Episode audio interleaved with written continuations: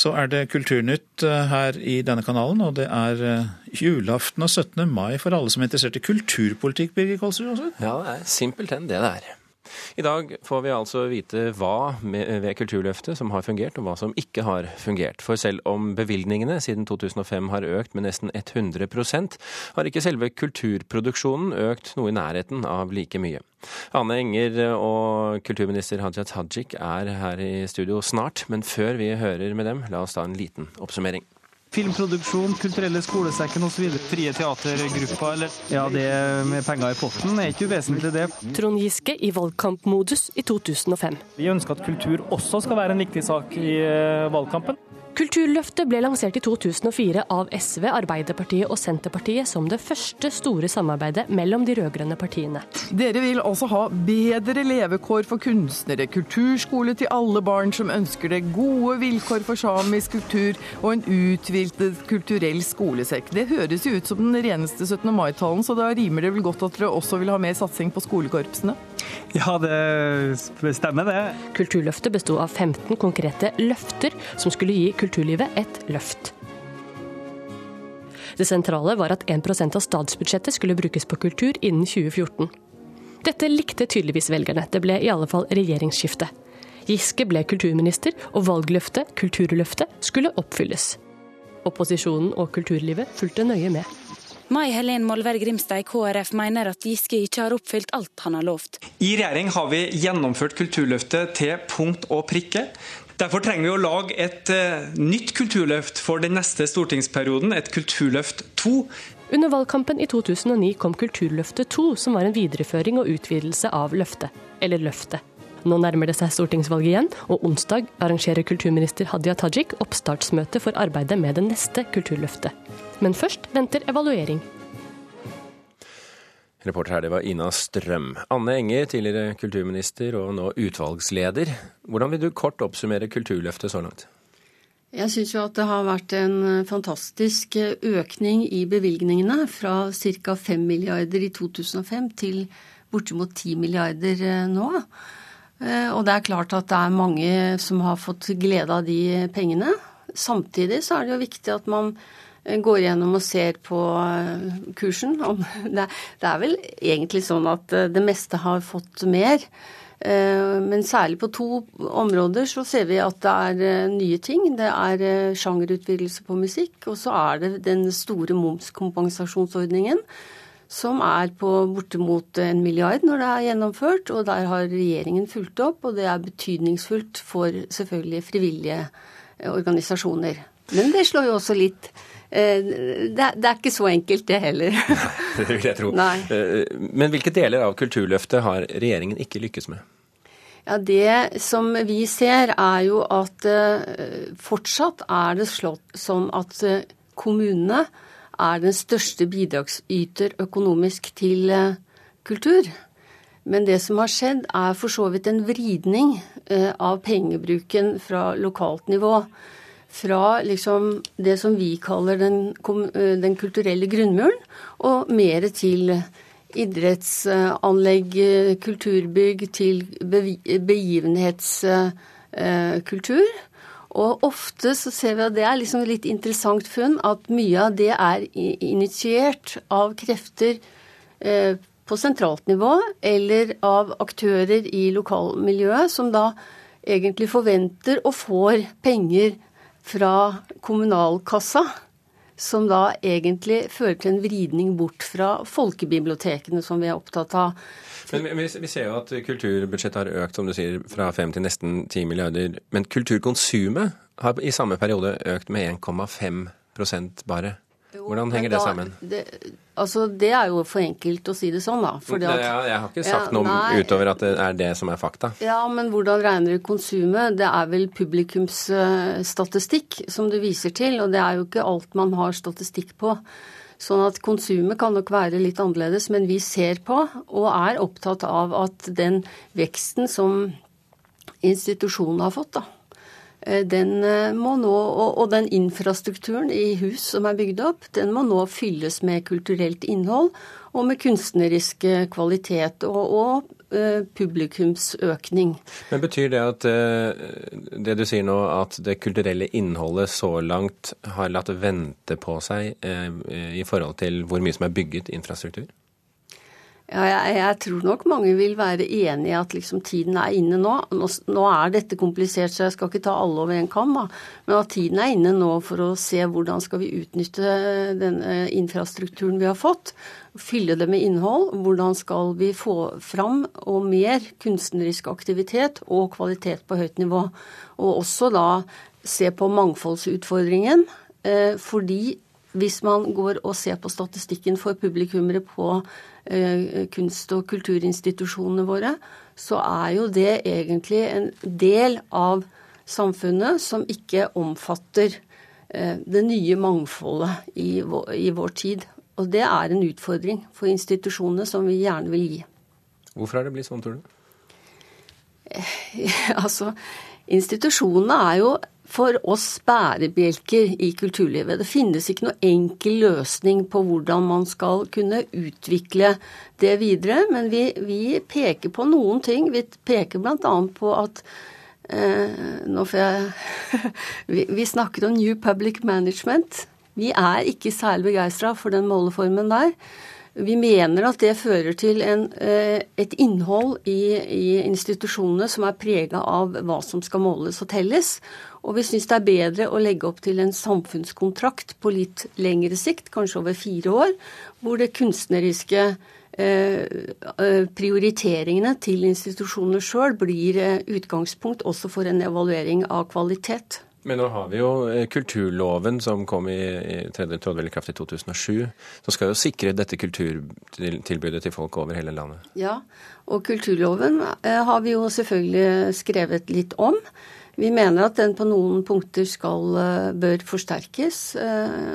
Vi har noen forslag når det, gjelder, når det gjelder både det juridiske og det organisatoriske som eh, vil komme tilbake til. Eh, men kanskje én ting som er litt eh, overraskende, er at vi også foreslår at kultur skal inn i den nye plan- og bygningsloven. Det vil si at vi får til, eller vi ønsker at kultur skal bli en viktigere del av det lokale og regionale Eh, planarbeidet for samfunnsdelen og mener at det er undervurdert slik som det er nå. Og at det grepet vil føre til at det blir større aktivitet lokalt eh, knytta til eh, kultur og kulturpolitikkens betydning for menneskenes liv, og også for andre hensyn som næring, som, som helse osv. Kulturminister Hadia Tajik, ut fra det du hører her, hva er din kommentar? Dette er en utredning som Kulturdepartementet sjøl har eh, bedt om. Vi ville gjerne ha den kritiske gjennomgangen av kulturpolitikken siden 2005, og nå har vi fått den. Jeg er glad for at hovedbildet er eh, at vi på de aller fleste områder enten er i mål eller er nær mål. Samtidig så er jeg òg veldig glad for den kritikken som vi får. For det er klart at hadde alt vært, eh, hadde alt vært sånn som det skal være, så hadde det ikke vært behov for eh, enda et kulturløft. Og i løpet av denne uken her så kommer vi til å sette i gang arbeidet med det neste store kulturløftet. Og da vil òg den kritikken som Anne Enger sitt utvalg har kommet med, bli lagt til grunn når vi reiser rundt til absolutt alle fylkene for å få innspill til hvordan Kulturløftet 3 skal bli utforma. Det er tydelig at hun eh, ønsker, eller råder dere til å gå løs på den eh, kulturelle grunnmuren, som hun kaller det. Altså folkebibliotekene, eh, det kommunale tilbudet, kulturskolene. Hvordan tenker du om det, du? For meg så er det veldig viktig at vi har mange ulike kulturelle kraftsentre rundt om i landet. Og da er det klart at, at det er noe vi må støtte enda mer opp om. Eh, en av utfordringene vi står overfor her, er jo at eh, det som blir karakterisert som den kulturelle grunnmuren, i veldig stor grad faller innenfor kommunens oppgavesområder. Altså folkebibliotekene, f.eks. Så det vi må finne, er jo ulike måter vi kan støtte opp om det arbeidet på. Jeg mener i hvert fall at det er veldig viktig at man òg sikrer det. det altså, Kulturløftet har jo handla om eh, alt ifra si, unger som nesten ikke kan holde instrumentene sine riktig, men som har veldig lyst til å lære seg å spille, til de kunstnerne og artistene som holder eh, veldig høy kunstnerisk kvalitet. Og i det spennet skal vi utvikle en sterk og ambisiøs kulturpolitikk. Du, du, får jo sjansen til det nå, eh, i hvert fall eh, ut dette året, frem til valget, og kanskje etterpå også. Kulturløftet 3, hva skal det være? Jeg mener at eh, forutsetningen for eh, et eh, levende demokrati er at vi har et levende kulturliv. Det er hele grunnlaget for et levende demokrati. Og da er det særlig tre ting jeg mener at det er viktig å, å løfte fram. Det ene er deltakelse. Altså både at man har muligheten til å skape uttrykk, men òg å få inntrykk. Det andre er ytringsmangfold, altså bredden i kulturuttrykkene, men òg bredden i landet. Eh, og det siste, tredje og siste er de digitale mulighetene som vi står overfor. Det er klart at ny teknologi det bringer med seg noen utfordringer, men først og fremst bringer det med seg muligheter, ikke minst til kunst- eh, og kulturformidling. Og det er i hvert fall tre ting som jeg kommer til å løfte i arbeidet framover. Men hvordan skal da kulturlivet ta eh, satsingen på kulturinnholdet, samtidig som vi vet at utgiftene til pensjoner og drift og vedlikehold av stadig nye, flotte kulturbygg tar stadig mer av potten? Det er helt korrekt at eh, på samme måte som eh, hele resten av Norge står overfor eh, store pensjonsutfordringer i årene som kommer, så står òg en del av kulturinstitusjonene overfor det. Det har vi tatt konsekvensen av allerede i 2013-budsjettet ved at vi har satt av penger særlig til Den norske opera og ballett, som står overfor helt spesielle utfordringer, siden de har en del lavere aldersgrenser enn det mange andre kulturinstitusjoner har. Men jeg mener jo likevel at på samme måte som det går an å være ambisiøs på vegne av Norge innenfor alle andre politikkområder, så er det absolutt òg mulig å være ambisiøs på vegne av kulturlivet òg i årene som kommer. Kulturkommentator her i NRK, Agnes Moxnes. Eh, denne rapporten som eh, kommer nå, hvor sterk er kritikken i den?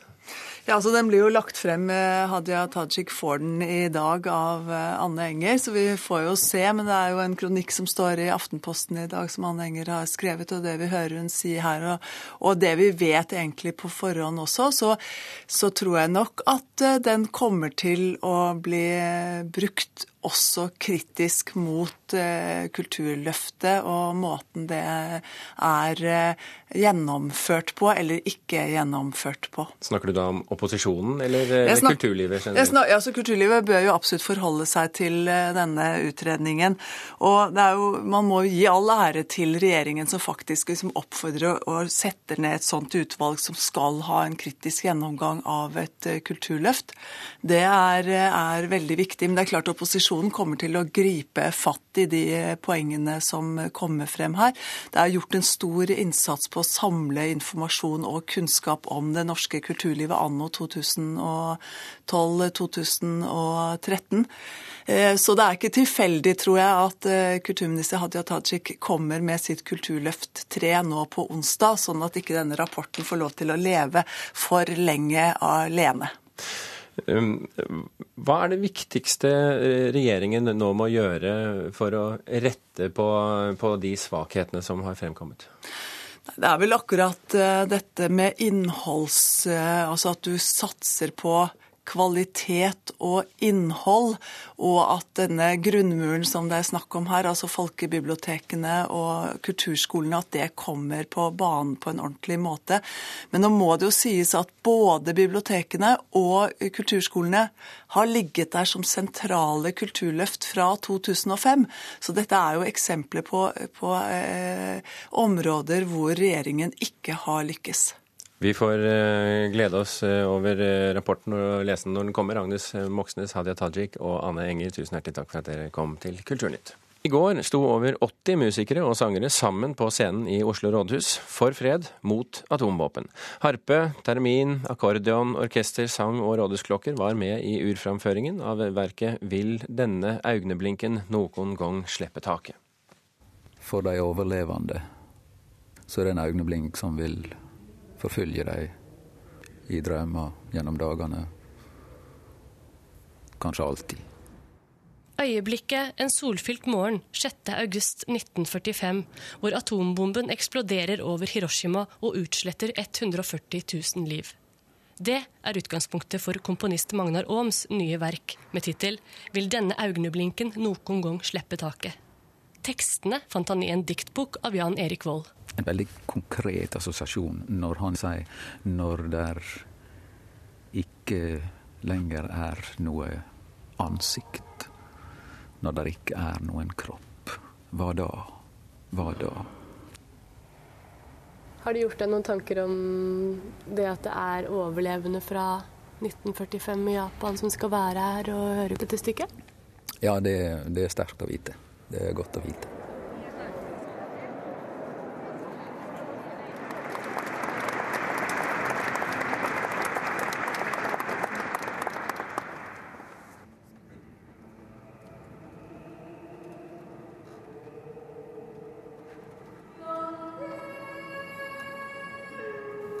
Harpe, teremin, sangere, dansere, akkordion, mongolsk cello og to kor er i samspill med klokkene i Oslo rådhus. Og i salen sitter folk fra alle verdens hjørner. En del av dem er her i forbindelse med UDs konferanse om atomvåpen som starter i dag. Stykket og tekstene og alt sammen handler jo også om bearbeiding. Hva, hva, hva du kan gjøre. Hvordan du sjøl kan skape mening ut av noe som er meningsløst, som er stygt. Hvordan du i ettertid kan komme gjennom det og få, få, få det til å være ei drivkraft.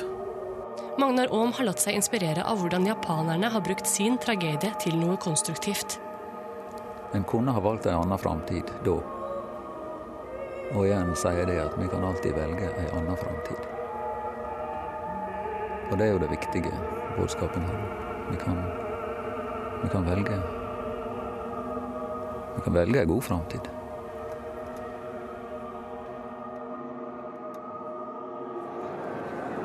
fantastiske korklanger. Altså Klangene var veldig fine. It was really cool to see all the different aspects of the music with the vocals and the um, instruments and the dancing all put together.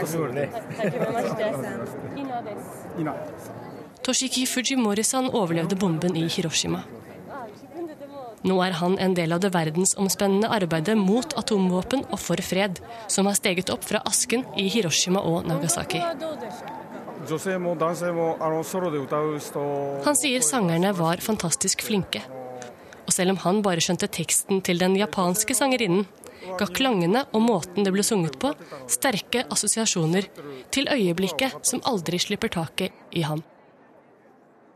Reporter her, det var Ina Strøm. Og teremin, hvis det er noen som lurer på det, det var altså det første elektroniske musikkinstrumentet som virkelig kunne spilles på. 6000 mennesker samlet seg ved Berlinmuren i går kveld for å protestere mot riving av den siste lengre strekningen av muren. Demonstrantene er kritiske til at den delen av muren som er kjent som East Side Gallery, skal vike for nye luksusboliger.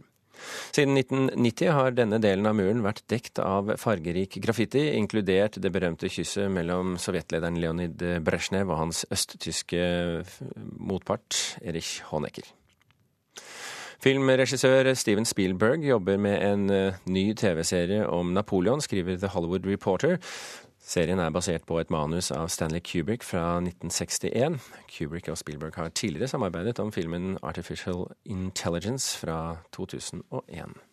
Det har gått 13 eh, år siden den eh, jamaicansk-britiske forfatteren eh, Sadie Smith berømte og prishengte debutroman 'Hvite tenner' kom ut. Åtte år etter forrige roman er det klart for hennes fjerde roman, NW. Til tross for en svært mangelfull oversettelse og sprikende stilgrep fra forfatteren, så mener vår anmelder Leif Ekle at også NW er en roman å få med seg. Sadie Smiths forrige bok om skjønnhet foregikk i USA. I den nye romanen hennes gjøres det allerede i tittelen klart hvor forfatterskapet hører hjemme. NW henspiller på Londons postnummersystem og de nordvestlige delene av byen, nettopp med adressekode NW. Vi er tilbake i Sadie Smiths eget oppvekstmiljø, Hovedtyngden av fortellingen er lagt til den innvandrertunge arbeiderklassebydelen Williston og et kommunalt boligkompleks der utdanning er eneste vei ut, hvis man da ikke velger den brede vei, den som går bratt nedover. I dette miljøet vokser de opp, de nære venninnene og hovedpersonene Lia og Natalie. To jenter som skaffet seg utdanning. og de mer perifere Felix og Nathan, unge menn som aldri fikk taket på verden. Lias irske bakgrunn gjør henne oppskriftsmessig blek og rødhåret. Natalie er sjamaikansk og svart, men ikke stolt. Fornavnet er ett hun erstatter, dåpens Kisha, med på veien mot advokatbevilling og et liv i antatt trygg avstand fra oppveksten. Akkurat som romanen er delt i flere atskilte deler, har Sadie Smith tatt i bruk stil og fortellergrep som varierer sterkt, og samtidig gir en nokså uvanlig vei til oppbyggingen av bokens karakterer. Leseren verken har eller kan ha et fullstendig bilde av dem før størstedelen av boken er tilbakelagt. Elementer og tematikk legges på hverandre stykkevis og etter hvert. Etnisitet, religion, tilhørighet, tilpasning og integrering, oppdrift og livsvilje. Hvem og hva menneskene er for seg selv og hverandre. Og ikke minst hva som gjør oss til hele mennesker. I den første delen, viet Lia, møter leseren en tett tekst på grensen til det eksperimentelle, der setninger bites av både foran og bak, og dialogene har tankesprang og digresjoner inkludert. Leseren drives inn og ut mens samtalen pågår og personene assosierer. Språklig er det denne delen som risikerer mest, og den som tydeligst demonstrerer Sadie Smiths velutviklede ører og øyne for hvordan mennesker forholder seg til og tenker om hverandre. Det er springende og fragmentert lesing, men i Smiths dyptgående interesse for medmenneskene trekkes leseren inn. I det historien skal fortelles fra Nathalies side, skifter språk og fortellergrep helt, og det hele fremstilles i 185 kortfattede episoder som strekker seg fra Kisha redder Lia fra drukningsdøden som smårolling, til nåtid, og livet igjen butter imot for en velutdannet svart kvinnelig advokat med barn og mann i bank. NW har mye å by den interesserte leseren. Det knytter seg allikevel en del problemer til sammensetningen og helheten. Ikke minst mangler begrunnelse for en av bokens hoveddeler. For en norsk leser er imidlertid Kari og Kjell Risviks oversettelse det største hinderet. Det er ikke ofte en leser presenteres for et så slett stykke arbeid. Feil, misforståelser og absurditeter er nærmest stablet på hverandre, særlig i den første delen. Denne anmeldelsen er derfor i hovedsak basert på originalen.